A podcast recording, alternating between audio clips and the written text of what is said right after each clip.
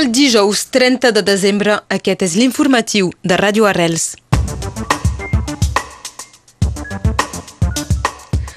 Segons l'INSEE, és el Barcarès el municipi que més ha crescut el eh, seu nombre d'habitants entre el 2013 i 2019 a Catalunya Nord.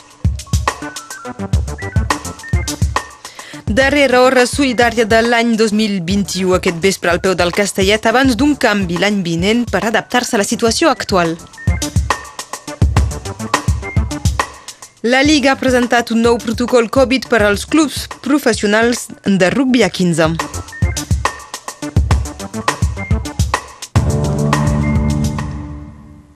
L'estat francès ha conegut aquest dimecres un nou rècord de nombre de positius a la Covid-19 en 24 hores amb més de 200.000 persones detectades. És a dir, que un 10% de la població francesa seria actualment cas contacte de Covid. El balanç a Catalunya Nord a les darreres 24 hores es lamenta la defunció de 3 malalts més.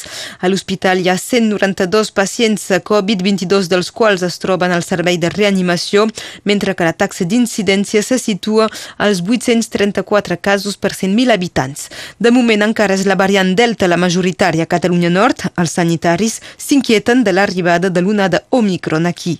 Ahir el ministre de la Salut, Olivier Véran, ha declarat en comissió de l'Assemblea Nacional que amb la taxa de transmissió d'Omicron serà difícil de passar entre les gotes i recomana, doncs, a tots els no vaccinats de canviar d'idea. D'altra banda, en aquesta comissió de l'Assemblea es va aprovar aprovar el canvi de pas sanitari a pas vaccinal. Les noves restriccions que s'aplicaran a les sales de concerts a partir del 3 de gener, és a dir, l'obligació de ser assegut, obliguen a anul·lar uns quants concerts entre els quals els del Mediator fins al 27 de gener. L'INSEE acaba de publicar les xifres oficials del nombre d'habitants l'any 2019. A Catalunya Nord la població era de 479.979 habitants. El municipi, que ha augmentat més entre els anys 2013 i 2019, és el Barcarès, que quasi ha doblat, concretament ha augmentat d'un 43%. És seguit per la Torre del Bisbe i Canus. En canvi, on la població ha disminuït més, curiosament, és a Colliure, amb un 21% de població de menys, seguit de Sant Llorenç de Cerdans i Corbera a les Cabanes. Aquest vespre a partir de les sis i mitja, el Comitè de Solidaritat amb els presos exiliats i represaliats polítics catalans organitza la 119a Hora Solidària i la darrera d'aquest any 2021. La cita és al peu del Castellet de Perpinyà amb la cronologia dels fets de la darrera setmana i els cants preparats per l'ocasió. El comitè anuncia canvis de l'Hora Solidària de cara a l'any 2022 per adaptar-se a la situació actual de Catalunya uns canvis que concretarà aviat. La Diada de Mallorca d'enguany recupera la tradicional manifestació del dia 30, que l'any passat no es va poder fer a causa de les restriccions per la Covid. La manifestació, sota el lema de llavor de lluita, sortirà avui a les 6 de la tarda del centre de Palma, al passeig del Born, i acabarà a les 8 i mitja amb una ballada popular i concerts. Descobrir Catalunya és una revista mensual de turisme i viatges en llengua catalana. Va ser fundada el 1997, una revista de referència pel turisme interior de Catalunya que es distribueix al conjunt dels països catalans i és editada per Sapiens Publicacions. L'any 2022, Descobrir celebrarà els seus 25 anys.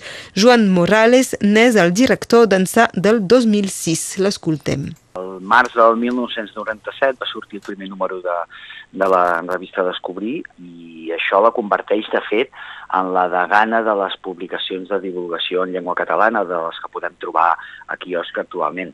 Uh, per tant, aquest 2022 doncs, uh, celebrarem aquest 25 aniversari i estem acabant de definir, diguéssim, diverses accions que farem, que anirem anunciant en el seu moment, però vaja, en qualsevol cas, eh, doncs, eh, complir 25 anys eh, és un motiu, evidentment, doncs, de, de, de molta alegria i, i, i de celebració perquè, eh, vaja, en aquests 25 anys, evidentment, doncs, eh, el quiosc ha canviat moltíssim, les publicacions del nostre sector també, El canal paper doncs, eh, està eternament en crisi i, bueno, malgrat tot això, doncs nosaltres continuem sortint puntualment eh, amb la cita als nostres lectors als punts de venda i, a més a més, penso que amb una salut, amb una, amb una bona salut important. Per tant, eh, vaja, molt contents de poder doncs, celebrar aquest 25 aniversari. Eren les paraules de Joan Morales, director de la revista Descobrir Catalunya.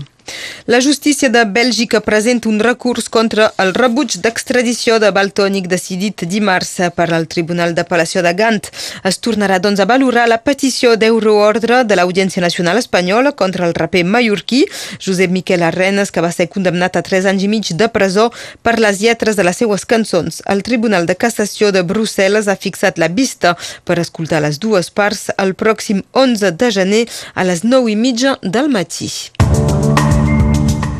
Passem als esports. En rugby a 15, la Lliga Nacional de Rugby reforça el protocol Covid per als clubs professionals.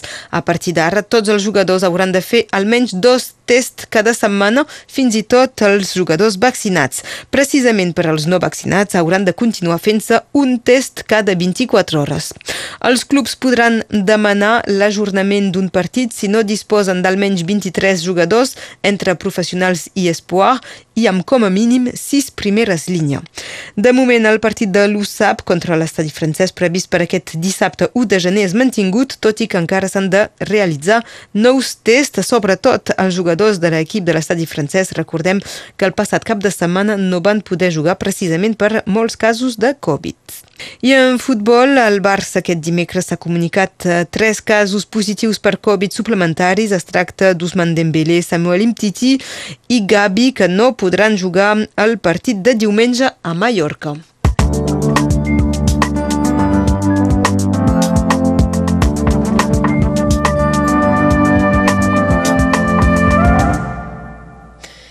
És el moment de la previsió del temps amb l'Enric Balaguer.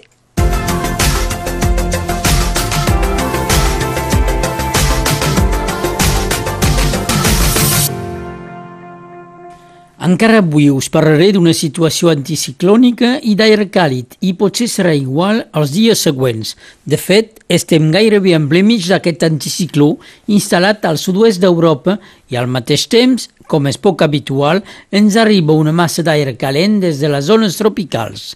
El cel és clar, si alguns núvols per la matinada a prop de les costes, desapareixen i deixen lloc a un sol molt dominant. Els vents són fluixos i tenim unes sensacions primaverenques.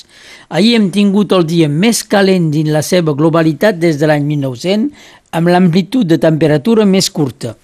El segon valor per les màximes i el primer per les mínimes. El termòmetre va marcar 16,9 graus a 21,3 graus a Perpinyà i avui tres quarts del mateix. 11 als Angles, 12 a Volquera, 16 a la Guingueta, 18 a Serrinyà, 20 a Caià, Buleternera, Corbera, Banyurs dels Aspres, Cervera, 18 a Serrallonga, 21 a Arles, 20 a Ribes Altes i a Ensinyang. A Bernet el sol s'amaga 3 minuts abans de dos quarts de 6 a les 17 hores i 27 minuts. El 30 de desembre de 1865 neix l'autor del llibre de la selva, Rudyard Kipling. A l'inici del segle XX venia a prendre les aigües a Bernet. El 30 de desembre de 1998 mor el poeta català Joan Brossa. Fa 15 anys, avui, Saddam Hussein fou executat. Avui és Sant Roger.